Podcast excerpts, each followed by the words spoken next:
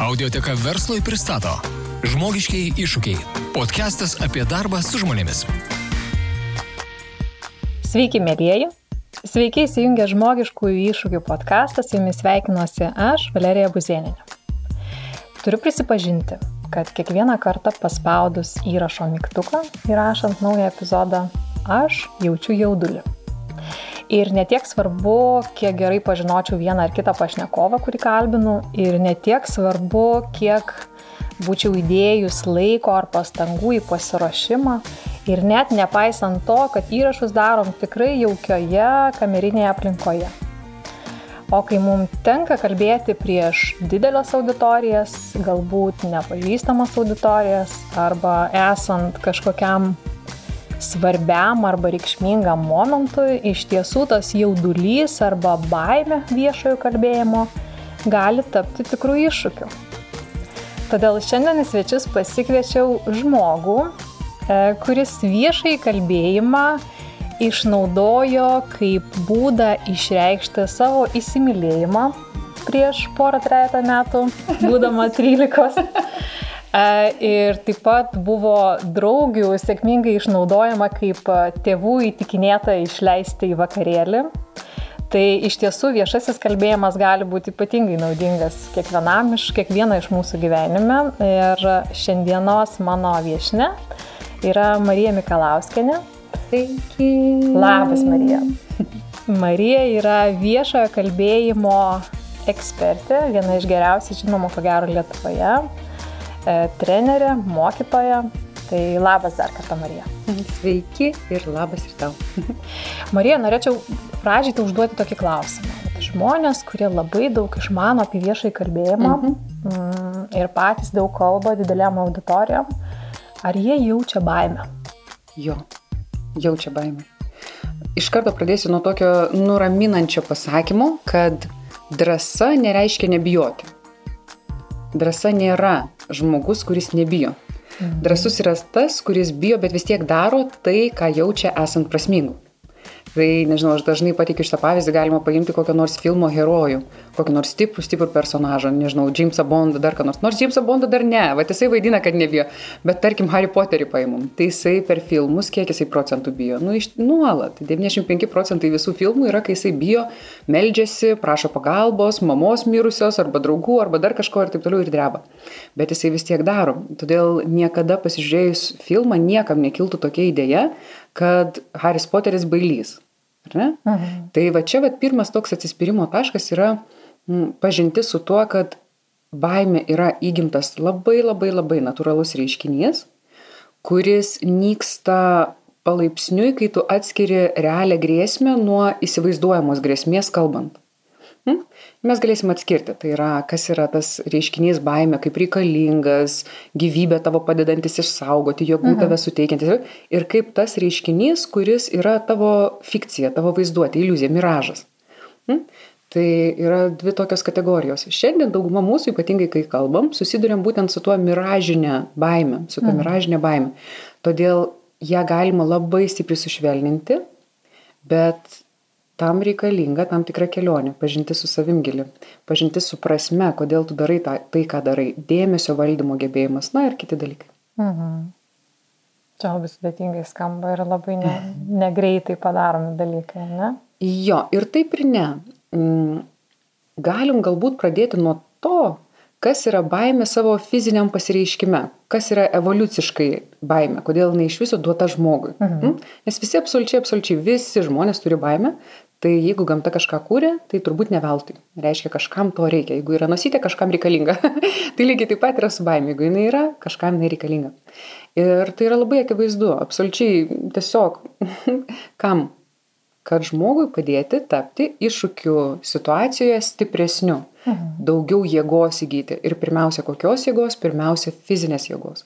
Tai yra iššūkiai, kuomet formavosi baime evoliuciškai pagrinde buvo fiziniai iššūkiai. Tai yra prieš tave žvėris ir tau reikia kažką su tuo žvėrimi padaryti. Todėl um, hormonai visi, kurie išsiskiria baimės metu, jie pirmiausia sustiprina tavo kūną, padaro tave tokiu biški antžmogio, šiek tiek virš virš savo galimybių. Mobilizuoja. Mobilizuoja būtent. Bet mes šiais laikais tiek esame klaidingai suinterpretavę baimę, kad įsivaizduojam, kad bijoti gėdinga, mhm. bijoti klaida, jeigu bijau esu silpnas ir taip toliau.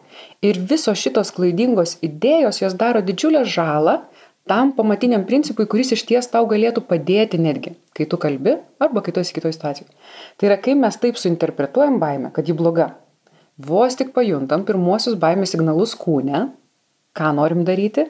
Slėpti, mhm. užsidaryti, nematyti netgi patys to, kas vyksta mano kūne.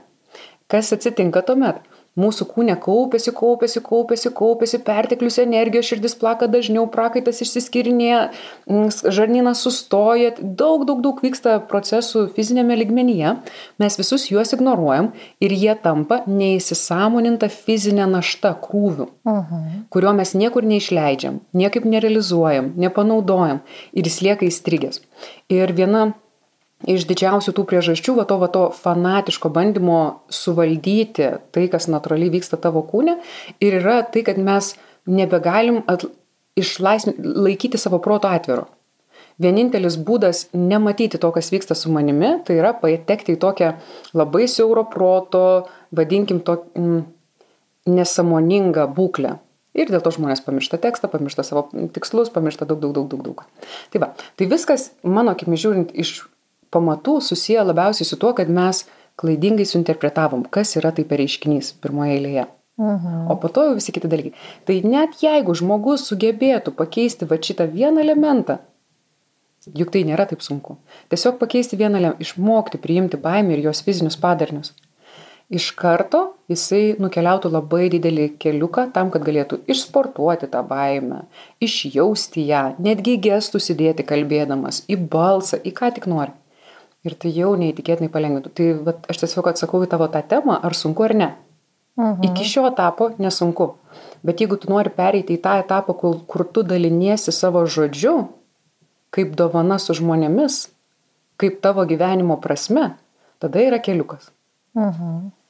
Aš iš tiesų, mes kalbėjom prieš, prieš įrašą, ne, kad e, kaip tik besiruoždama užmačiau linktinę vienos merginos e, įrašą ir ko gero tu jau pradėjai kalbėti apie, apie tas fizinės būsnas, kurias mes patiriam kalbėdami viešai ar besiruoždami kalbėti viešai. Aš norėčiau šiek tiek pacituoti. Ta mergina davė leidimą nuosmenintai naudoti jos patirtį Tai viena iš patirčių, kurią čia apibūdino pati besidalinanti savo patirtim, atėjo mano eilė pristatyti temą, pradedu kalbėti, išmuša karštis, darosi silpna, akimirką suprantu, kad nebesiku, kas vyksta aplink, man negera. Ne, ir mm. toliau vyksta tas visas veiksmas, mergina pasėmė pauzę ir tada tęsė jau kitą nuotaiką savo pranešimą. Ne? Kiti žmonės po jos e, komentarų taip pat e, dalinosi savo patirtimi. E, dėl jaudulio burna taip išžiūvo viso pranešimo mhm. metu, kad vienos stiklinės vandens man nepakako, teko su ją retai išsiskirti, kol kalbėjau. Ne? Tada papildomai, ką mes čia matom dar, kovoti, pauzė surezonavo šitą patirtis, teko, norėjosi slėptis ir bėgti, Toliau, ką mes čia turim dar, žmogiški jausmai, labai gerai suprantu, stovėjau prieš auditoriją ir aplankė labai smarkus galvos skausmas. Mm. Tai mes kalbam apie tokius paprastus fizinius pojūčius, mm. kurie yra tokie stiprus, kurie mm. Tampa kliūtimi mums padaryti tai, ką norim. Ir tu kalbė apie tai, kad pirmiausia mes turėtume eiti į tą kelionę, į ilgą kelionę su savim, pažinti save ir mažinti savo baimės. Bet ruošiantis kažkai svarbiai progai, ar turi kažkokių konkrečių patarimų, ką tuo kartu mes galim padaryti, mm. kad palengvinti savo tą užduotį? Jo, super. Labai labai gražiai moteris pasidalino, labai džiaugiuosi, kad jinai padarė būtent pauzę ir perorientavo savo dėmesį. Nes kai mes vat prieš tai kalbėjom apie tą iliuzinę baimę, kas yra iliuzinė baimė? Tik mintis. Tik mintis. Ir ta mintis pas kiekvieną gali būti skirtinga. Pas vieną tas, ta mintis gali būti, kad mane pasmerks, pas kitą, pas kitą gali būti, kad man karjeroje nepasiseks, na ir taip toliau. Bet tai tik mintis. Ir ką ta moteris labai gražiai padarė, jinai susirinko save į kitą vietą, tarsi aš taip jaučiu. Jis pervedė savo dėmesį nuo minties, kuri ją veda į baimę, į kažkokią kitą mintį. Tai čia yra nuostabus, nuostabus veiksmas, ką jinai padarė. Jis savo dėmesio valdymo dėka pervedė save į kitą būseną. Ir tai yra pamatas bet kokio būsenų valdymo, kaip vidinės tokio žmogaus kokybės, gebėjimo iš bet kokios būklės save pervesti į kitą. Mhm. Tai labai labai labai gražų veiksmą jinai jau padarė ir didelį atsakymo dalį mums davė. Mhm. Tai yra, į ką aš susitelkiu, kai kalbu. Vienu metu savo gyvenime aš aptikau tokį nuostabų dalyką, nes pati be galo bijodavau anksčiau kalbėti, tiesiog siaubingai po vienos traumos, daug, daug, daug metų, beveik dešimtmetį, tikrai turėjau panišką scenos baimę, tiesiog juoda aklina akise būdavo, kai įdavau kalbėti. Bet vienu metu mano gyvenime taip nutiko, kad aš pagaliau patekau į sritį, kurioje kalbėti man buvo be galo prasminga. Tiesiog neįtikėtinai. Aš žinau šimtų procentų, kad kiekvienas žodis, kurį sakau, yra žmonėms, kurie klauso, gyvybiškai svarbus jų laimiai, jų tokiam nu, sakraliam savęs jautimui ir taip toliau. Na, žodžiu, patekau tokią nuostabią situaciją. Ir aš aptikau, kad baimė išnyksta beveik absoliučiai. Mm. Lieka tik minimalūs fiziniai potyriai ir čia ir buvo tas va toks materializacija mano pačios viduje ir tas įsisąmonimas ką turi omeny psichologai kai jie siūlo dėmesį valdyti tam kad nuo baimės pereiti į lengvumą nuoširdumą paprastumą davimo būseną lygiai taip pat jeigu žiūrėsim mm, Deepak Chopra Tony Robbinsą, kitus garsius, garsius, garsius pranešėjus žmonės, kokią jie būklę skatina kaip anti baimės kodą. Tai yra dėkingumo būklė tai yra ta būklė, kuomet tu jauti begaliniai didelę prasme daryti tai, ką darai mm. ir pervedi savo dėmesį būtent į šią būklę. Ir tada iš jos kalbi žmonėms. Kaip paralelė galima, kad taip labai paprastai įsivaizduoti leisti žmonėms, ar ne? Jeigu ateina į auditoriją koks to žmogus, kuris ateina su ketinimu ten kaip padaryti ką nors visiškai tuščio, paiko, absoliučiai jokios vertės, bet jisai žino, kad visą valandą nieko vertės nesuteiks, tik tai turi kažkaip prastumt laiką. Neseniai skaičiau vieną knygą beje ir moteris dalinosi, kad jai prieš pat lipant į sceną liepė m, mm, renginio organizacijos, sako, tu, tu negali kalbėti apie tai, ką pasiruošiai. Sako, čia ne tie žmonės susirinko, čia ne apie tai šitas konferencija, tu turi kalbėti apie tai, kas žmogų daro laimingu. Viskas. Ir jinai ten šokė ir taip toliau. Ir sako, aš visą valandą nieko negalėjau pasakyti, kad svarbu būti laimingu žmogus turi būti laimingu. Ir sako, visą valandą, sako, aš išlipau ten visą nuklaikiai besijūsdama tu. Tai įsivaizduojam vieną tokią situaciją, ar ne? O žmogus ateina ir jisai kažkodėl absoliučiai jokios dovanos neturi nieko. Ir kita situacija, kai tu ateini, realiai, ateini kalbėti, ar į susitikimą, ar dar kažką. Ir tu kiekvienam žmogui turi po didelę, didelę nuostabią dovaną. Nesvarbu, ko jis ten nori. Kažkam galbūt tūkstantį eurų duodi į rankas tiesiai, kažkam duodi ten iPhone, kažkam duodi ten raktelius nuo Mercedeso, kažkam duodi dar ir viskas. Nieko nesakai, o tik tai išdalini dovanas ir būtent tas, kurių jiems labiausiai reikia. Ar skiriasi tavo savijauta vienoje ar kitoje situacijoje? Nu, neįtikėtinai skiriasi. Mm. Tai štai tokiu pat būdu mes, kai kalbame, turime žiūrėti į savo turinį ir į savo poziciją tam susitikime, toje konferencijoje. Koks mano požiūris į mane? Ar aš auka, kuriai reikia, kad kiti duotų meilę, aplodismentų ir pripažinimo ir pinigų? Ar aš esu, kaip sakant, nu kaip čia, verslininkas, kuris nori tik tai gauti, gauti, gauti, kad man duotų ten pirki, nupirktų iš manęs ir taip toliau? Ar aš esu žmogus, kuris nukeliavo skausmingą, tarkim, gyvenimo patirtį ir aš noriu padėti kitiems pereiti ją lengviau. Ir aš žinau, kaip tai padaryti. Jeigu jie išgirs mano žodžius, jie sutrumpins savo gyvenimo kančią ir greičiau atras kažką stebuklingo, nuostabaus savo gyvenime. Mhm. Tai ant kiek skiriasi mano būsena, kai vieną aš pakeičiu požiūrį į save. Dar yra požiūris į auditoriją, į tuos, kas mane klauso. Kokie mano įpročiai mąstyti apie žmonės, kurie manęs klauso ar vat aš įsivaizduoju, kad tu, Valerija, klausai manęs ir smerki? Nu, va, ta Marija, tai čia turėtų jau kaip profesionalas pašnekėti, jeigu bent vieną ne tą žodelį išgirsiu, tai jau čia tikrai pasijuoksim iš jos patoskaniai. Nu, tikrai jau netikiu, kad tokia kieta, kaip čia visi šnek. Mano vienas požiūris - lemtų mano būseną. Valerija mano priešė. Ne? Aš galiu įsivaizduoti, kad tu mane įsimylėjusi. visiškai, tiesiog dievini mane, tu mane nešiot ant rankų norėtum, jei tik galėtum. ir aš galiu sėdėti su tokia būsena ir įsivaizduoti, kad tu taip jauti. Arba galiu įsivaizduoti, kad mes draugės, kad mes fainiai čia leidžiam laiką ir kažko pasidalinam viena su kita. Ir taip toliau. Ir tai jau lemia vėl mano mhm. būklę, ar ne? Tai reiškia požiūris į mane, ko aš čia, kokia mano priežastis čia buvim, požiūris į mus, į tave, į mhm, klausytoją, mhm, santykį. Mhm. į santykį būtent jo, mhm. ir požiūris į patį turinį, kurį aš duodu. Mhm. Ar aš jį sumečiau per tris valandas prieš pranešimą, nes neturėjau laiko, mhm. ar man jį liepia pristatinėti, bet aš nieko bendro su juo neturiu, ar tai yra tai, kuo aš tikrai tikiu ir kas man gražu tikra esencija kažkokia. Mhm. Ir čia irgi aš turiu ko gero pasirinkimą, ne? net jeigu man liepia tai pristatinėti, aš galiu pasirinkti, kad tai yra. Mhm. Absoliučiai, labai labai fainai. Bet kaip tik iš, vien, iš didelės organizacijos prieš porą dienų turėjau konsultaciją su moterim, kuri vadovams turėjo ten pristatymą.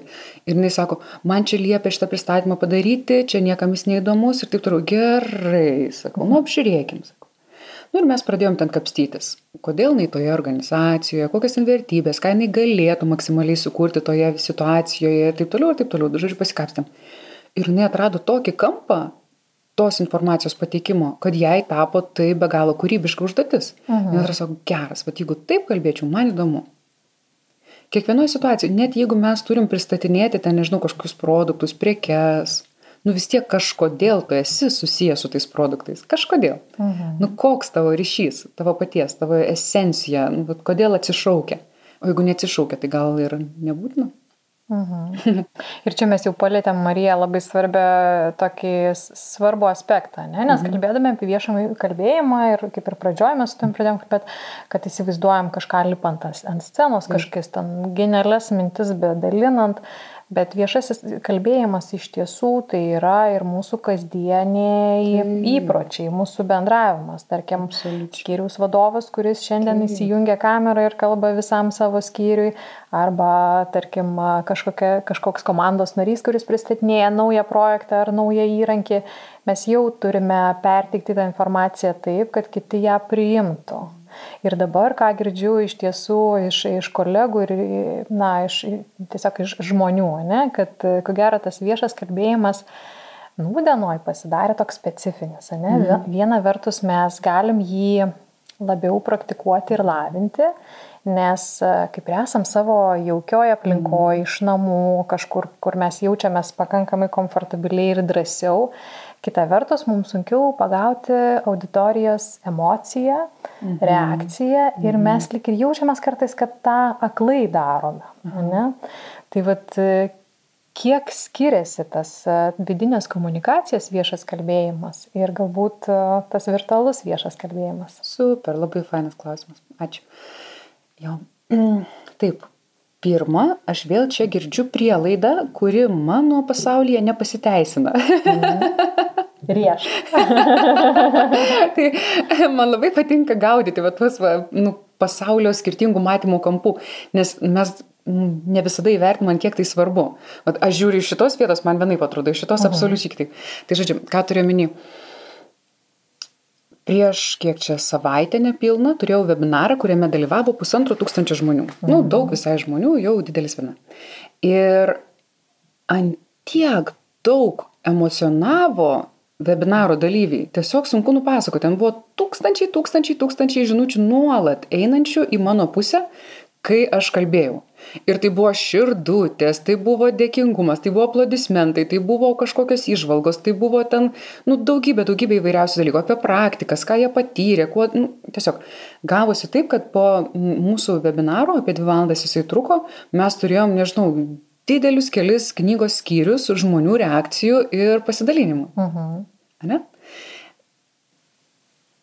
Jau dabartiniam periode, karantino tam bėgyje, žmonės antiek pripratę prie tų technologijų, kad jie jau yra absoliučiai pasiruošę ten bendrauti taip pat emocionaliai. Kai buvo pradžia, kol mes dar nežinojom, kas tai per pabaisa, ta kamerytė, kaip čia man pasiruošti skambučiui, kai slėpėmės už juodų ekranėlių ir taip toliau, tuo metu reikėjo didžiulių pastangų, kad ištraukti iš klausytojo emociją. Dabar viskas, mes jau praėjom, mano akimis, tą tašką, kur jau lengva kalbėti emocionaliai. Bet tą turi paskatinti pranešėjas. Mhm. Tai yra, aš ateinu į susitikimą, į webinarą ar kažkur ir aš iš karto kviečiu. Nagi, mėlyjeji, pasidalinkite dabar, kaip jaučiate. Arba atsukit šiandien dieną ir parašykit tris emocijas, kuriuose daugiausiai buvote. Arba viso webinaro metu prašau reaguokit, kaip jūs jaučiatės, kad aš galėčiau atsakyti į jūsų klausimus, uždavinėkit, kalbinkit ir taip toliau. Ir aš visada palaikau bendravimą gyvai su jais. Tai yra skaitau čia ir atsakinėjau. Ir taip toliau. Lygiai tas pats per karantino metu šitą periodą visą aš jau turėjau apie 70 gyvų online susitikimų su savo mokinių grupėmis. Aha. Tai yra jau daug. Ir jie paprastai trunka apie 2,5 valandos. Ir pas mus visada nuspalvinti ekranai širdutėmis, aplodismentais, ferverkais ar dar kažkuo. Nes žmonės, kai tu juos skatini, kai tu juos pakvieti į tai dalyvauti, jiem iš pradžių pirmą, antrą kartą gal keistoka, bet jau nuo trečio karto jie tiek pripranta, kad jie nori su to.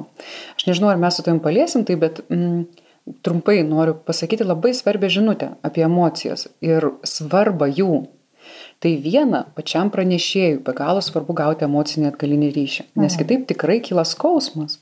Nes tau atrodo, tu dedi pastangas, o ten tie veidai tokiam akmeniniai, Taip. lietuviški, nuobodus. Arba jokių veidų. Arba jokių irgi labai blogai, labai blogai. Iš, kar... iš tiesų, tu kalbėjai į sieną, tai yra, nu, skausminga, realiai skausminga. Tu gaišti savo laiką ir taip toliau. Bet kita dalis yra tokia. Vienas iš pačių pačių pamatinių žmogiškųjų poreikių tiesiog būtinų gyvybiškai nuo gimimo iki, iki mirties yra emocinio kontakto poreikis. Poreikis jausti susietumą su kitais žmonėmis. Mhm. Ir emocinis kontaktas užsipildo per du pagrindinius būdus. Viena - prisilietimus, fizinį kontaktą, nes tu jauti, kokie, koks intensyvumas tų prisilietimų, jis gali būti švelnus ir užpildo tada. tada o kitas yra būtent per emocionavimą kur nėra tiek logikos minčių nes tai yra kitas pasaulis kita dimensija bet būtent per emocinę išraišką ir didžiulė dovana yra sukurti terpę žmonėms kurie gali pajausti tą emocinį kontaktą emocinio ryšio daugiau tai mano akimis šiandien jau online visiškai pilnai galima ant tiek įtraukinėti žmonės emocionaliai, kad abu dalykus pasieksim. Ir tu kaip pranešėjas jausiesi nuostabiai ir auditoriją pamaitinsi emociniu kontaktu. Tai yra labai du gražus dalykai. Mhm. Bet tam reikalinga pačiam įsitraukti. Kaip? Viena, būk emocionalus. Tai yra, kai kalbi, pasisteng kalbėti, ne monotonišku balsu, vienodu tempu ir vienodu ritmu, kur informacija yra svarbiausia, ką tu perdari, bet pats jausk emocijas, leisk jom išsireikšti, judink savo kūną, kad ir jis dalyvautų, kad matytųsi, kad tu energija, su visa savo energija įsitraukęs į pokalbį. Tai pirmą pats būk emocionalus. Antra, kreipkis į žmones vardais, mhm. pastebėk detalės jų ekranėliuose, pasidžiaug jais. Tai yra mestelk jiems emocijų. Vat kokia nuostabi tavo Valerijaus karų spalva, neįtikėtina. Primena, žinai, ką jūros smėlį tokį, tokį nuglūdintą jau kur nuo saulės žėrintis. Tai labai faina. Mes galim siūlyti žmonėms emocinį, emocinį foną pagal tai, kad mes jiems iš pradžių suteikiam emocijų. Mhm. Užpildom juos emocijom. Tai reiškia patys emocionuojam, užpildom emocijom. Ir trečia, kviečiam juos emocionuoti. Nes vos tik pirmą kartą tu paprašysi, na gerai, dabar pasakiau genialią mintį, prašau visi man parodykit širdutės. aš taip darau kartais. Aš jaučiu, kad čia labai gerai susakiau, parodykit man paplodismentų. ir žmonės į tai įsitraukia, nes tai žaisminga, jokinga, tame nėra mano ego, aš nenoriu iš tiesų, kad mane kažkas ten paliaupsintų, bet aš per tokį sakinį pasijuokiu iš dalies iš savęs, jau įdedu emocijų ir kartu iššaukiu juose emocijas. Mhm. Kai žmogus savyje pajaučia emocijas, jisai pradeda kaip varikliukas užsisuka emocionalus. Energijos kiekis didėja tarp mūsų. Mhm. Tai va, tai trys tokie būdai, kaip tą galima padaryti. Super. Ir taip dar mes e, ir įtraukiam kitus žmonės, nes dabar mes kalbam apie tai, kad pandemijos metu mes sėdim kiekvieną savo gardelį ir jaučiamės vieniši kartais, taip. nesuprasti, atskirti. Taip. Tai va tas emocinis užtaisas, jis ko gero ir kitam nuotaiką pakels ir galbūt e, pakels tokią, na, pagerins savijautą, ne? Labai, labai, labai teisingai, labai. Bet irgi prieš porą gal savaičių dalyvavau vienos didžiulės tarptautinės organizacijos konferencijai, skaičiau pranešimą Ir aš prisijungiau penkios minutės gal prieš mano jau laiką, natūraliai, kad pasižiūrėt, kas per dinamiką. Ir paskutiniai žmonės, kurie šnekėjo, mane tai palėtė, jie tarpusavį ten šneka, kaip organizacija, daug žmonių. Ir vienas sako, ačiū Dievui, sako, dar yra darbas. Jis sako, bent čia galiu su kažkuo pabendrauti. Mhm. Tiek daug žmonių, tie, kurie iš mūsų gyvename ten porose, turime vaikus ar kažką savo artimų rate, mes net neįvertinam, kiek sudėtinga šituo laikotarpiu būti vienam namuose. Tai neįtikėtinai nusudėtingas periodas žmonėms būtent poreikių nepatenkinimas, emocinio poreikio nepatenkinimas, jis kala pirmiausia per skausmo mechanizmus. Kaip, kaip jeigu taip, na gerai, galiu neaiškinti moksliškai. Pajutau gal ne vieta, bet labai įdomus ir mokslinis paaiškinimas to, bet tik to. Tai va, tai tu teisi, jo, labai reikalinga. Ir čia mes pranešėjai kūrėm tą situaciją, kurioje žmonės gali Ir mes pranešėjai ir kiekvienas iš mūsų kaip, kaip žmogus, ko gero, ne? Ir kai ateinam klausyti tą susitikimą, irgi nuo mūsų priklauso, kokia bus nuotaika. Ar mes įsijungiam tą kamerą ar neįsijungiam, ar mes atiduodam, kaip Marija sako, tą emociją, ne? ar palaikom kalbėtoją, ar įsitraukiam į diskusiją, ar tiesiog užduodam papildomą klausimą, visą tai kuria tokį ryšį. Ne? Čia labai irgi graži tavo žinutė, labai faina. Mm, šį savaitgalį turėjau filmavimus ir kalbėjo vienas žmogus prieš mane Ir aš matau, mes turim didelį ekraną, ten zoom langelius visus per tą ekraną matom, didelis, didelis toks televizorius. Ir kai tu kalbi, tu žiūri kamerą ir tarsi atrodo žmonės. Ir aš žiūriu tą žmogų, kuris kalba ir žiūriu žmonės, kaip jie reaguoja, visi veidai, mm. akmeniniai.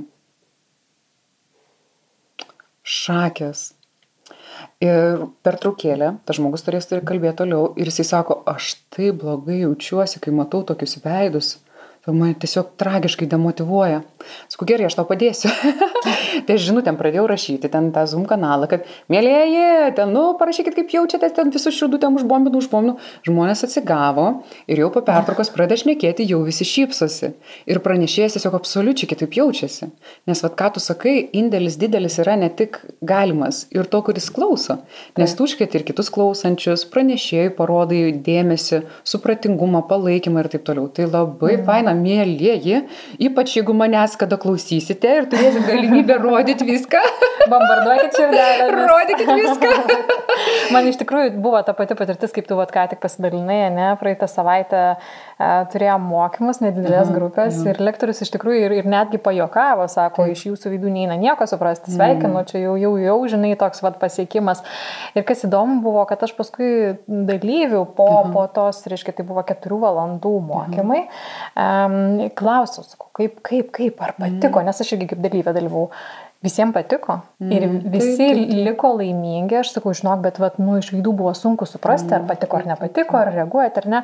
Tai e, visi iš tikrųjų pasiemė paskui tą pamoką ir sako, nu, okei, okay, kitą, kitą kartą aš gal įsitrauksiu labiau. E, rytoj stebėsiu, ar įstrauks. Labai gerai, parašyk žinutę, nes jo, čia, čia didelis dalykas. Mhm. Jo, bet čia, lab, čia bendrai didelė, didelė tema, va to emocinio mūsų tarpusavio visų žmonių susietumų. Va, tiesiog didžiulė tema, ne tiek viešas kalbėjimas, kiek mm, yra dabar periodas tam tikras, nu, specifinis. Taip. Ir reikalingas samoningumas padėti vieni kitiem, kaip galim. Ar kalbėjimo situacijų, kaip tu sakai, ar gyvenime einant pro šalį, nusišypsant, ar dar kažkaip palaikant jisai reikalingas. Tikrai taip. Mm. Marija, atgrįžtant prie viešojo kalbėjimo. A, kadangi tu tiek daug esi toj temoje. Mhm. Ar stebi kitus kalbant, ar atkreipi dėmesio, ką mhm. daro vienas ar kitas žmogus? Mhm. Aš turiu du režimus. Kažkurio gyvenimo momentu, kadangi, kaip tu sakai, aš tikrai jau viešo, viešo kalbėjimo srityje su NNN metų, 22 metai, o Jėzus kiek daug, neįtikėtina, daug profesionaliai, ne šiaip, kad kalbu, mhm. kalbu tai kaip visi nuo vienerių, dviejų metukų, bet profesionaliai mane moko, scenos aktoriai, režisieriai ir taip toliau nuo 13 metų.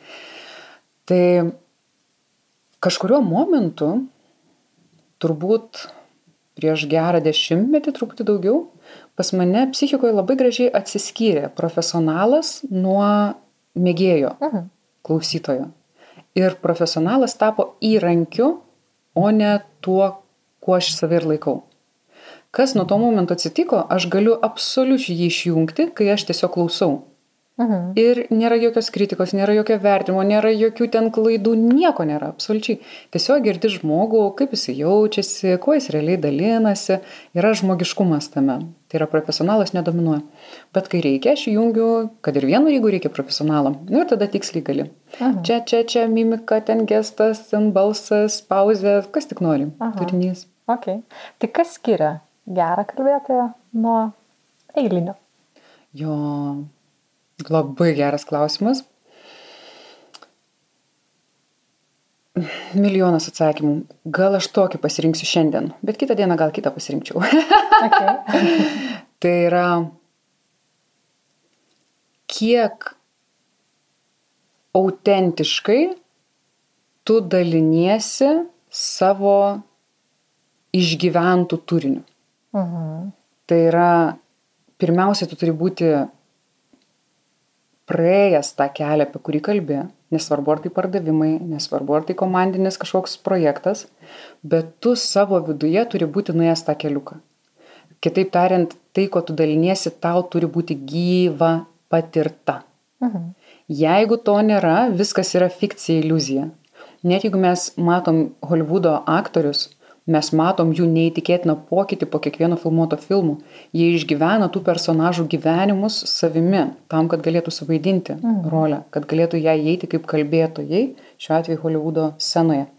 Panašiai yra gyvenime, tik sakyčiau, gal netgi jautriau, nes tu apie ką be kalbėtum, pirmiausia, turi turėti sieloje tuos virpesius, kurie, kurie atsirado dėka to, kuo tu daliniesi. Tai čia viena. Autentiškai dalintis reiškia nebijoti atskleisti tų gestų, tų pojūčių, tų emocijų, to savęs, kuris ėjo tą kelią. Mhm. Tai reiškia, tavo išraiška turi būti tau tinkama, bet laisva. Mhm. Tau tinkama, bet laisva. Tau autentiška, bet laisva. Ir tavo turinys turi būti tikras, išgyventas. Va tokie dalykai. Mhm. Ir kodėl pabrėžiu tą autentiškumą, nes labai dažnai mes įsivaizduojam kalbėtoją stiprų, ekspresyvų labai. Ta, kuris bėgioja ant scenos, daugia, visai ne, absoliučiai ne. Daugybė be galo stiprių pranešėjų. Tedo iki šiol pats amžinatelis garsiausias pranešėjas yra Kenas Robinsonas. Jisai labai ramus introvertiškas žmogus, bet jo video populiariausiame kanale viešųjų kalbų yra pats populiariausias, žiūrimiausias. Mhm. Bet žmogus ramus, paprastas, visiškai nelaksto po sceną, karts nuo karto anegdotą pasako ir taip toliau. Bet jis autentiškas savimi. Nėra blokų, nėra ribų, bet tarpiškumas yra. Mhm. Taip, Ar turi dar pavyzdžių? Bekeno Robinso. Susan Kane nuostabi yra, nuostabi Susan Kane. Man labai patinka Benjaminas Zanderis. Vat jis yra ekspresyvaus tipo, bet ne klasikinio, ne to kaip Tony Robinsas, kur ten ant tos vyriško testosterono energijos kalba. Bet Benjamin Zanderis, jisai yra dirigentas, šiaip jau pagal profesiją, okay. mhm, labai labai garsus žinomas dirigentas ir jisai turi savo studentus universitete. Ir antiek žmogus yra esybinis, antiek jisai yra įkvėptas savo veikla, kad būtent per tai yra jo išaiška ir jo tas charizma, jo žaižaravimas kalbėjime. Tai vad Benjamin Sanders, Susan Kane galima pasižiūrėti, labai įkvėpė Kenas Robinsonas, jo tas pats, kad pamatyti kontrastą stipraus kalbėjimo. Galima dar ir rekartą tolį atsidaryti, pasižiūrėti, kur žmogus visiškai absoliučiai ramiai, lietai kalba visą laiką, bet labai labai gilus turinys. Tai vad, kad išplės savo kiratį, vad šitos pasižiūrėkit, tai jau bus daug. Super. Mm. Marija, ar Lietuvoje turi kažkokių pavyzdžių, į ką turėtumėm atkreipti dėmesį? Jo, Jurgio didžiulio vieną kalbą mačiau, kuri man tiesiog buvo fenomenali. Tiesiog fenomenali. TEDx Vilnius 2018, man atrodo, metais, ar 17 net, neatsimenu tiksliai, bet Dieve, kaip nuostabiai pakalbėjo. Jis ir grojo, ir savo pultą turėjo, ir dainavo, ir kalbėjo, ir išvalgos apie muziką ir ryšį su auditorija buvo genialius.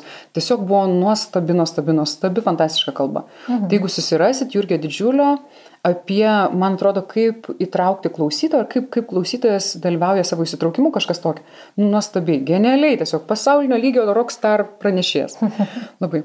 Po to Jurga Jurkute apie mm, vieną jautrę labai temą atsimenu, tikrai stipriai kalbėjo, labai introvertiškai, labai labai kukliai, bet tiesiog tai buvo pilnas išgyvenimų pranešimas irgi tedikse. Taip pat keli tokie, kurie dabar prieš akytės iškyla. Mhm. Mm. Marija, kai tu kalbė apie išjautimą ir autentiką, na, kai mes įdedam save atgal į verslo aplinką, ko Taip. gero ne visada tai įmanoma. Jo. Kokie tavo patarimai būtų, kai pristatai iš tiesų galbūt ne visai populiarią Super. mintį mhm. arba sprendimą ir galbūt ir pats ne visai esi jo. on board su, su, su ta mintim ar sprendimu, jo. tačiau esi, tarkim, vadovas ir jo. tavo darbas yra įtikinti ir, ir užvesti kitus ant kelio ir mm. tiesiog paimti paskui save, ne, į vėliavą į ranką ir, ir vesti žmonės paskui save. Jo, suprantu pilnai, ko klausiu. Jo, tai yra labai konkrečios tuomet viešo kalbėjimo technikos. Tai yra pavyzdžiui, jeigu tu nori sukurti autoriteto įvaizdį, tai tau reikalingi specifiniai dalykai. Šiek tiek garsesnis nei vidutinis balsas, mhm. didesnis nei paprastai pauzės, aštresnis kalbėjimas, aštresni gestai, būsena pozicija kūno, visi pečiai atgal, tokia alfa ritmo kalbėjimas, ne? Plačios kojos, platus gestai, daug erdvės užėmimo. Va daug, daug, daug yra niuansų, kurie tau duoda autoriteto pojūtį. Jeigu žmogus išvalys šiek tiek aukščiau smakras negu, negu įprastai, labai labai įdėmus žvilgsnis, tikslus žvilgsnis, ne šį besiblaškantis pirui, bet įdėm į vieną žmogų, į kitą žmogų ir taip toliau. Mm, šarmo, šiek tiek žaižaravimo, autentiškumo dar įmetimas prie viso paketo ir žmogus gali atrodyti neįtikėtinai taigus, net jeigu jis absoliučiai netiki tuo, ką kalba. Tai mes galim per technikas uh mhm. sukurti šitą įvaizdį. Tu dabar, kai kalbi, man kažkodėl vyras akise. Man, kai tu sakai didelis, nu, tapsma, ir, jo. reiškia, rankos plačiau, o ne, ir gestai. Jo. Ar pritaikoma tai moters komunikacijos? Labai fainas klausimas, geras varijo. Gali būti ir moteris įeiti sąmoningai į tokią būseną tam, kad pasiekti savo tikslą. Tai jinai žino, pavyzdžiui, kad išklausys jos nuomonę kažkokioje situacijoje tik tokie žmonės, kurie, nu, klausys ją, tik tokie žmonės, kurie alfa ir kurie vertina klausytoją per tai, kiek jisai turi jėgos. Mhm. Tai yra jėgos situacijos. Aš atsimenu pati su ne, neminėsiu geriau, bet su valstybinėm institucijom, kai dirbau, yra tekę būti daug situacijų, kur Tai yra vienintelis kriterijus, kas vertinama. Tuomet ir moteris gali pasirinkti, ištreniruoti save, ateiti labai tiksliai, dalykiškai, kryptingai, susakyti informaciją, kurios reikia, dar pačiu pasakyti kokį nors linksmą dalyką, kad šiek tiek į tą žaismingą vyrų pasaulį slėt ir jie gali sužaisti tokį žaidimą. Tikrai gali. Bet jeigu nėra vien tik tai tas alfa žaidimas dominuojantis, tada gali būti daugybė, daugybė formų, kaip mes paliečiam kolegas. Tai yra per labai aiškiai, aišku komunikavimą vertės, bet mhm. asmeninės vertės. Ne bla bla bla organizacija mūsų po 20 metų bus sėkminga, nes tas yra absoliučiai neįdomu tikram žmogui. Šviesus rytojus. Jo, šviesus rytojus, tas, tas nekabina. Bet va tu kiekvieną dieną praleisi pusvalandį daugiau laiko su šeima, jeigu. Mhm. Nu jau čia yra geriau. Mhm. ir taip toliau. Tai yra per vertės iš komunikavimo per emocinį kalbėjimą, istorijomis kalbėjimą galima įtikinti žmonės, per pavyzdžius žmonių, organizacijų, kurios jau tai praėję, per paralelės, kurios leidžia protui patikėti ten dideliais skaičiais, kurie nesuvokiami šiaip jau tau emocionaliai, nerezonuoja, tau jie nieko nereiškia. Daugybė technikų jau yra, ką mes galėtume taikyti. Ir tada jau atsiranda erdvės ir moteriškumui. Tada gali būti ir šarmas, ir žaismingumas, ypač jeigu tu kalbi su vyriškom auditorijom, tu gali ten juos apžaisti. Bet problema čia yra tokia, kad mūsų vyriškam pasaulyje verslo moteriškumas kaip tas toks lengvumas, takumas, koketiškumas, netgi žaismingumas, mm. jis labai dažnai, mm, kaip čia, nurašomas tik ant tos temos, kad graži, nuostabi, bet nieko nepadarys. Ir kas atsitinka, ką esu mačius tokiais atvejais, kur nėra įdėta alfa ritmo pas moterį, tai yra, kad vyrai užsidega, nori daryti kažką pusdienį, o po to daro, ką reikia. Nes yra pas mus tokia kaip konstanta, tas priimta ta tiesa, kad jėgos pasaulyje gyvenam. Tai jeigu taip susumuoti, aš vis tik būčiau linkusi, kad didelė dalim, jeigu tu standartiniam pasaulyje randiesi verslo, reikalinga išlavinti jėgos mechanizmą savyje, tai nėra sudėtinga. Jeigu technikų prasme visiškai nesudėtinga. Reikia samoningumo šiek tiek ir viskas. Bet jeigu tu turi prabangą būti tarp žmonių, kurie ne tik tai vertina, tada tu gali ir per kitas priemonės paliesti. Mhm. Šiek tiek džiazuoti daugiau, ne? Tada tikrai, jo. Bet čia mhm. priklauso nuo pasaulio. Sakau, jeigu eisim į valstybinės institucijas, be jėgos aš nieko ten neįsivaizduoju, be jėgos būsenos. Jeigu eisim į klasikinį verslą, klasikinės organizacijas, be jėgos nieko neįsivaizduoju, ašgi dirbu pasaulyje Dievę su Facebook, BMWD, kur tik noriu, visur. Ir matydavau tos moteris, aš jau tada gana ilgai domėjausi savim, jau buvau daug kelio vidinio nuėjusi ir atsimenu, atvažiuoju ten vesti mokymus, didelė organizacija, ten 120 žmonių, ten Siemens Global Leadership centras, ten iš skirtingų organizacijų.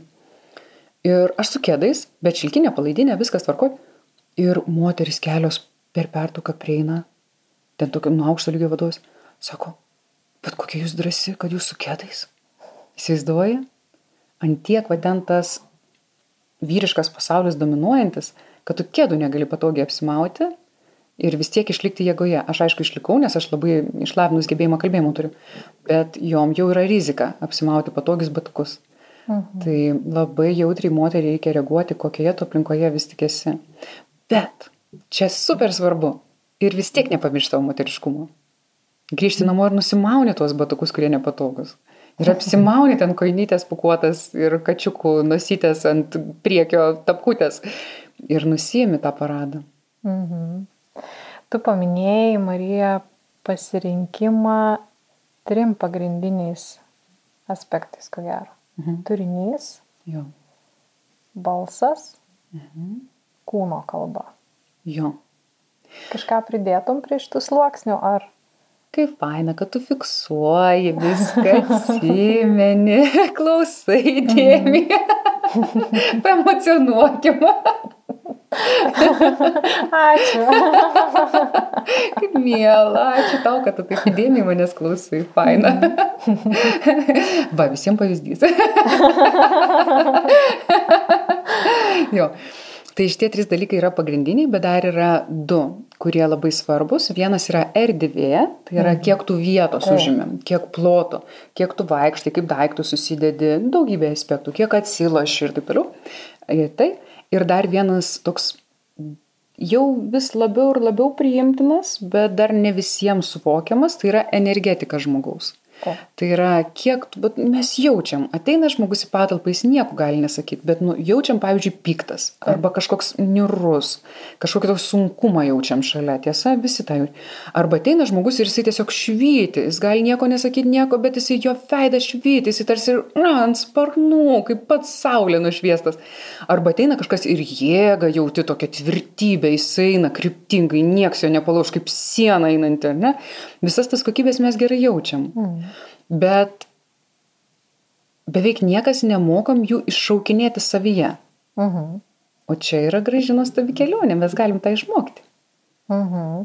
Tai dabar prie šitų, vat, gerai, tada penki sluoksniai. Penki. gavosi, ane? Toks aukštas tortas. Aukštis. Kiek mes turim ruoštis jo.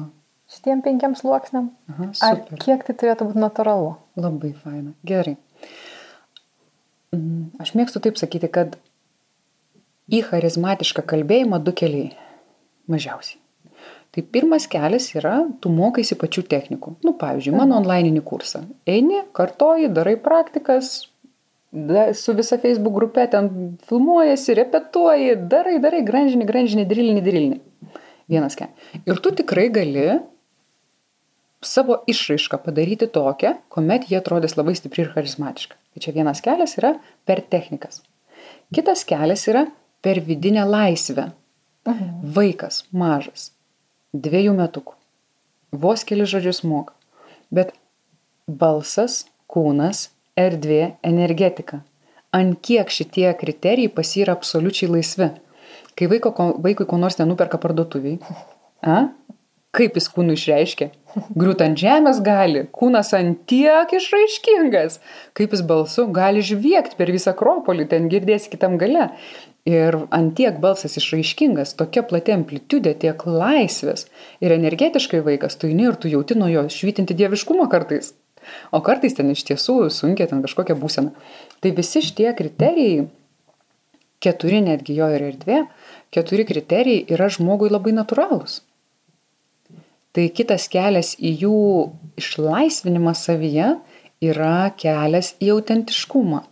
Kuo tu labiau žinai, ko tu nori, ką tu čia darai, kuo tu sieki, kai tu vis labiau pasitikė savimi ir savo išraišką, kad būtent tu esi toks ir tu tai ir nori pateikti pasauliui. Kad tau nereikia formų, kad tau nereikia vaidinti kitokio negu esi. Bet kai tu visą šitą koležą pradedi savyje aptikinėti, atsiranda natūraliai technikos, atsiranda natūraliai balsas, kūnas, tikrumas. Apimtinis netgi kalbėjimas, dar toks reiškinys. Apimtinis. Ir energetika, jo. Tai vat, visi šitie dalykai tada atsiranda natūraliai. Vienas kriterijus, kurį vis tiek reikia mokytis, tai yra turinio formulavimas efektyvus. Mhm. Istorijos, paralelės, logika, nuseklumas. Tadadadada. Tai turinį mes vis tiek turim išmokti dėstyti tiksliai. Mhm. Bet apart to, jeigu tu eini į save, pažįsti save, viskas atsiskleidžia. Kaip išmokti dėstyti turinį tiksliai? Gerai. Receptuką. Gerai. Gerai, labai paprastą receptą jūs mokė mokykloje. Ir jis yra teisingas. Absoliučiai teisingas. Tas bazinis minimalus receptas. Kaip mes rašydom rašinėlį. Įžanga, Taip. tada Dėstymas. dėstymas ir uždarimas. Taip. Kaip mes dėstymą darydavom? Pirmiausia, tu ten įvadas į paragrafą savo, tada ten blablabla, uždarimas paragrafo. Tada kitas paragrafas vėl įvadas į paragrafą, paragrafas ir uždarimas. Ir va tokiu būdu mes mokėmės rašyti, konstruoti mintis. Tai yra genialus būdas konstruoti mintis. Tik tai, ką mes pataisytume viešam kalbėjime, tavo įžanga turi būti, aš taip vadinu, stipri pradžia. Mhm. Tai reiškia istorija, šokiruojanti fa, šokiruojantis faktas, kažkoks netikėtumas, gali būti kažkokia paralelė, kuri, o dieve, negi tikrai ten taip niekada nepamaščiau tokiu kampu. Ir kažkas netikėto, kažkas sudominančio. Arba prieš penkis metus aš buvau ten ir ten ir jūs nepatikėsit, ką pamačiau. Ne? Tarp kitko, buvau konferencijoje, realiai, iš tikrųjų buvau konferencijoje, įsivaizduokit, įsivaizduokit, įsivaizduokit, kur susirinko visi holistiniai gydytojai, ne? kurie ten labai naturalistai visą ką. Ir ateina į sceną moteris kalbėti, tris valandas jos pranešimas, absoliučiai nuoga. Realiai. Žodžiu, čia pavyzdys. Nu, tarkim, pradžia stipri. Labai stipri. Ir tai tikrai istorija beje. Tai, žodžiu, gali būti stiprios pradžios. Tai, ką mes vadintume įvadu. Dėstymas ir tie paragrafai, tai būtų mūsų punktai, kuriuos mes norim išsakyti. Ir mes turim būti labai tiksliai savo suformulavę. Aš sakysiu, pavyzdžiui, penkis punktus. Ne? Nesiblaškysiu šiaip netyčia, kas ten plauks man, blablabla, bet aš turiu penkis punktus, aš juos pasakysiu. Mhm. Ir tada, kai tu pradedi pirmą punktą, tu jį atidarai vėl. Su kažkokia stipria žinute, klausimu, užduotim ar dar kažko. Paaiškinė, autoritetas, argumentai, viskas sudėliota ir uždarai. Na taigi, jūs girdėjote apie šitą punktą ir jisai yra toks ir toks.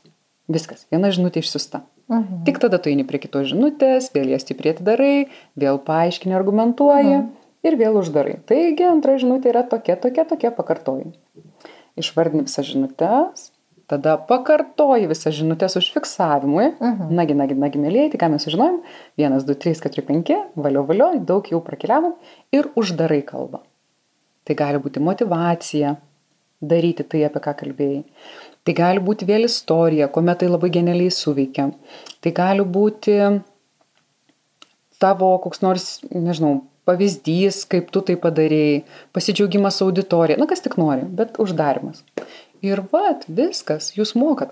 O visa kita yra jau tikrai detalesnio pokalbio reikalaujantis dalykai. tai yra, kaip parinkti paralelės, kaip padaryti ku- turinį spalvingų, o ne monotoniškų. Kiek svarbios detalės, kuriuos dalykus mes ryškiname detalės, kurių ne, kaip kurti istorijas. Na ir toliau jau yra visokie tokie niuansai. Kiek tvirtai tu turi žinoti kiekvieną smulkmeną, ką tu nori pasakyti? Aha. Labai priklauso nuo daug ko. Nuo tavęs, nuo to, kiek tu jau toje srityje esi, nuo to, kokia auditorija, nuo to, kiek tu laisvas pats esi spontaniškai kalbėti, nuo daugelio parametrų. Tai aš neatsakyčiau vieno atsakymu. Ne, ir netgi nuo turinio paties, ar tai yra mokslinis pranešimas, ar tai yra vaikui pasakojama istorija, mhm. labai skirsis. Tai neturiu atsakymų. Mhm. Jauskite pagal savo situaciją, kad liktų jums komfortas, bet nepasimestų vertė. Mhm. Mano komfortas ir mano kuriama vertė turi būti balanse. Jeigu aš per daug užsidėsiu savo ten tiksliai, tiksliai viską atsiminti, man kris labai stipriai savijautos ligmuo nepaliksiu nei kiek spontaniškumo. Įtampos tada sukeliu. Įtampos, taip, taip, kad kažką pamiršiu. Būtent. Arba paskui saviplaka, kad kažko, o, šito nepaminėjau. Taip, būtent, kažko, ne? būtent jo. Mhm. Nereikia to, nereikia iš to savęs įtempinėti, tai tu palieki savo laisvės, bet ir kartu apskaičiuoji, išjauti, koks turinys turi būti, kad klausytojai būtų vertingas. Mhm. Man pačiai labai pasiteisina, galbūt mano toks, na, protas taip veikia, ne? Mhm. Man turi būti visur istorija arba loginė seka. Super. Tai aš visur va tus punktus, kuriuos tu paminėjai, ne, aš bandau susijęti tarpusavį ir tada Super. tiesiog, kad nereikėtų žiūrėti, tu žinai, kas po ko, bet labai kol fine. nesusidėlioja ta seka, man pačiai sunku prieiti prie, prie, prie galutinio varianto, ką aš mhm. noriu pasakyti ar kaip aš noriu tą turinį išdėstyti. Labai. Bet ta grandinėlė. Patirdai šitą būdą? Hmm? Patirdai? Nu taip, kažkaip. Geras, kaip faina, kokia šunuolė. Geras, super. Mm, žodžiu, yra žmonės, kurie labai lavina savo atmintį. Mhm. Žinai, turbūt. Ne, yra olimpiados, čempionatai, pasauliniai ir taip toliau, kur žmonės ten skaičius bando atsiminti. Ir jie yra labai fenomenalūs, nes jie sugeba kažkokiu būdu įsiminti neįtikėtiną kiekį duomenų. Mhm. Ir pagrindiniai principai tai yra, kas, ką tu pasakėjai. Tai yra istorija dėliojimas skaičių, jų transformavimas okay. į kažkokius tokius netikėtus dalykus. Ir, taip, žodžiu, net ir mokslinių pagrindimų mes galim paaiškinti, kaip veikia geriausiai atmintis žmogaus, tam, kad tu įsimintum savo seką. Bet tai negarantuoja, kad tau pačiam bus vainiausia taip kalbėti. Na jo. jo. Gal labai... pasirašymui patogesnis toks būdas. Būtent, jo, bet čia labai fainas būdas. Marija, einant taip į pabaigą, iš tiesų vienas iš dalykų, kurio, kurio, kurio bijo žmonės prieš kalbėdami viešai, ko gero, tas fiziologiniai tokie pojūčiai, jo. ne, išrausiu, mhm. arba taip, taip, taip. ten, nežinau, prakaituoja delnai, arba mhm. va, džiūna burna, kaip skaitam, mhm. ne, iš, iš tų komentarų. Ar turi kažkokių patarimų, kaip susidoroti su tokiais dalykais mhm. ir kaip save, aš suprantu, kad čia tu turi save nuraminti ir dirbti mhm. su savo baimėm, bet visgi kaip suvaldyti mhm. tos savo kūno jo. pojūčius. Okay. Taip pirmiausia reikėtų suprasti, kas yra tie kūno pojūčiai. Tada bus lengviau juos priimti. Mhm. Pavyzdžiui, kaip tu sakai, prakaitavimas. Ne? Kas yra prakaitavimas? Tai yra lygiai dėl to paties baimės mechanizmo vykstantis reiškinys. Nes jeigu žmogus yra prieš fizinį iššūkį ir pasisukyla natūraliai evoliucinė baimė, ta pirmoji, apie kurią kalbėjom, prakaitavimas jam padeda neperkaisti ilgai bėgant arba kovojant tai kaip tu gali norėti iš savęs išimti tai, kas neišvengiamai susijęs su baimės mechanizmu. Mhm. Arba tu jauti baimę ir kartu prakaitavimas vyksta, arba tu nejauti baimės ir nevyksta prakaitavimas. Tai susidoroti su, pavyzdžiui, tokiu reiškiniu nėra galimybės, yra galimybė tik daryti tai, ką mes kalbėjom pradžioj. Išmokti sumažinti baimę įsisamoninant ką tu dovanoji, kas tu, kas auditorija. Mhm. Ir fizinius dalykus sumažinant, tai yra iškraunant fizinę energiją, kvepuojant specifiniu būdu, atstatant degonį ir taip toliau. Bet vien tik tai išimti tokio reiškinio nėra kaip, bet aš papasakosiu su prakitavimu būtent tokią istoriją. Pas mane buvo vienas nuostabus klientas, direktorius organizacijos, Ir jisai turėjo parkaitavimo tą būtent baimę. Ir jis sako, aš taip bijau, sako, žmonės matys man veidų varva praktas, aš nežinau, ką daryti. Ir aš tada pasitelkiau vieną iš psicho, psichologijos tokių metodikų, kaip galima dirbti su baimėm, tai yra per humorą, per humoristinių paralelių išvedimą. Mhm. Ir aš jam pasiūliau tokį būdą, sakau, gerai, pasimk didelį kibirą, metalinį būtent, būtent turi būti metalinį. Metalinį kibirą ir į savo kitas visas kalbas sekančias pasidėk į po stalu. Ir kai tik kils šitą baimę, įsivaizduok, kad tu pradedi neįtikėtinai prakaituoti, tiesiog žliaugia prakaitas iš pažastų, per veidą, per krūtinę, visur žliaugia prakaitas. Ir tu visą tą prakaitą surenki tą kibirą ir vienu metu netikėtai šliukštant auditorijos užpili tą visą prakaitą ir tokiu būdu pasidalini savo patirtimi žinai. Ir jisai taip pradėjo juoktis, nes jam, žinai, jam tai tikra baime. Ir jisai niekada nepasižiūrėjo ją per um, tokius sakinius. Na ir žodžiu, jisai nusinešė į pirmą kalbą kibirą realiai ir dingo visiškai šitą baimę prakaitavimo. Prakaitavimo kažkiek išliko, bet jis labai sumažėjo. Nes jeigu yra prakaitavimas ir prakaitavimo baime, tai užsuka papildomą miražinį baimės ciklą. Mhm. Ne tik, kad aš bijau scenos, bet dar aš įsuku papildomą ciklą bereikalingos baimės. Mhm. Tai jisai šitą nuėmęs, prakaitavimas sutvarkė ir taip toliau. Tas pats yra su, pavyzdžiui, džiūstančia burna. Mhm. Kas yra džiūstanti burna? Baimės metu mūsų visa kūno fizinė energija yra paskirstoma į organus, kurie reikalingi fiziniai kovai. Vėl evoliuciškai. Tai reiškia raumenynas ir pagrindė tiek. o visa kita, kas yra seilių sekrecija, arba žarnyno veikla, net ir proto veikla, dėmesys susirė, jos yra laikoma šalutiniam. Todėl seilių sekrecija irgi stipriai sumažėja. Irgi mes to pašalinti negalim mechaniškai. Tu ger kiek nori, bet pas tavęs seilės iš vidaus neišsiskirnėja. Mhm. Ką tai reiškia, kad vėl tas pats. Mes turim grįžti į baimės priežastį. Mhm. Ką tu manai apie save, apie savo turinį, apie klausytoją, fizinę išraišką turėti ir tokiu būdu tai sumažės. Bet labai padeda nu, daugybė psichologinių praktikų, savęs pažinimas, nu, čia toliau yra didelė kelionė. Bet tai, ką suvardinau, pamatas. Mhm. Pradžia. Ta būtinai turi turėti, o visa kita yra kelionė. Tai dar truputėlį, ką pasimti, jeigu džiūna bruna? Kiberas netiks. Ir ką pasimti, jeigu išrūsti? jo, jo, tai gali, galite susigalvoti, žinokit, kas jums smagu. Nu, pavyzdžiui, tu gali um, įsivaizduoti, kad jeigu tau džiūna, tarkim, burna, nu, tarkim, ką aš daryčiau pati savo, jeigu man tai suveik. Bet aš bet aš galėčiau įsivaizduoti, kad aš kalbėsiu vonėje. Aš kalbėsiu vanėje, nu, kad užtikrint, kad tikrai neišdžiūsiu. Burna džiūna atrodo, kad aš visai išdžiūsiu. Ne, jeigu vanioje, tai kada norėsiu, tada atsigersiu. Tai aš tikrai kalbėsiu vanioje. Galėčiau net skaidrę pirmą įsidėti savo kokią nors vonios ir žmonės jos ilgai nematys, bet aš tris sekundės į ją pasižiūrėsiu, pasijuoksiu ir tada įsivaizduosiu, kaip ją įlipu. Kad galėčiau sliurčiat visą laiką. Arba galėčiau netgi prieš kalbą užsidėti, pavyzdžiui, nu, kur čia ant galvos užsideda toks buteliukas su šiaudeliu į burną tiesiai. Va tokį užsidėčiau, kad neduok dievė truks man atsigerti. Bet tokių visokių galėčiau daryti. Jo tokio įsivaizdavimo. Mhm. Dėl raudonio, pavyzdžiui, išsitrinti galima įsivaizduoti, bent jau, kad išsitrinu ryškiai raudonai burokai žandus, kad, nu, paslėpčiau tą raudonį, kuris natūralus. Tegul žmonės mato tą tyšinį ir įsivaizduoju, kaip trinu žandus su burokais ir ryškiai nuspalvinu, neduok dievę pasimatys, kad čia gislutės mano natūralios įgimtos iš raudo. Super. Tai va tokių va visokių bandyčių mechanizmų. Tai mėlyjeji, susitinkam vonėje su kibirais ir raudonais žandais ir žinosim, ką kaltinti, kai viens kitą tokį pamatys su mane. Labai gerai. Marija, žinau, kad kitą savaitę planuoji kažką, ko mm. norėjai pasidalinti. O, super, ačiū labai, kad užsiminiai, labai smagu. Tai tiems iš jūsų, kam labiau sudomino charizmo savo atskleidimas, ne per technikų kelią, o per savęs pažinimo kelią, tai yra per savo emocinio, per savo dvasinio ir netgi energetinio pasaulio pažinimą, visiems tiems vyksta jau kitą savaitę, 15 dieną vasario prasideda kursas 2,5 mėnesio trukmės.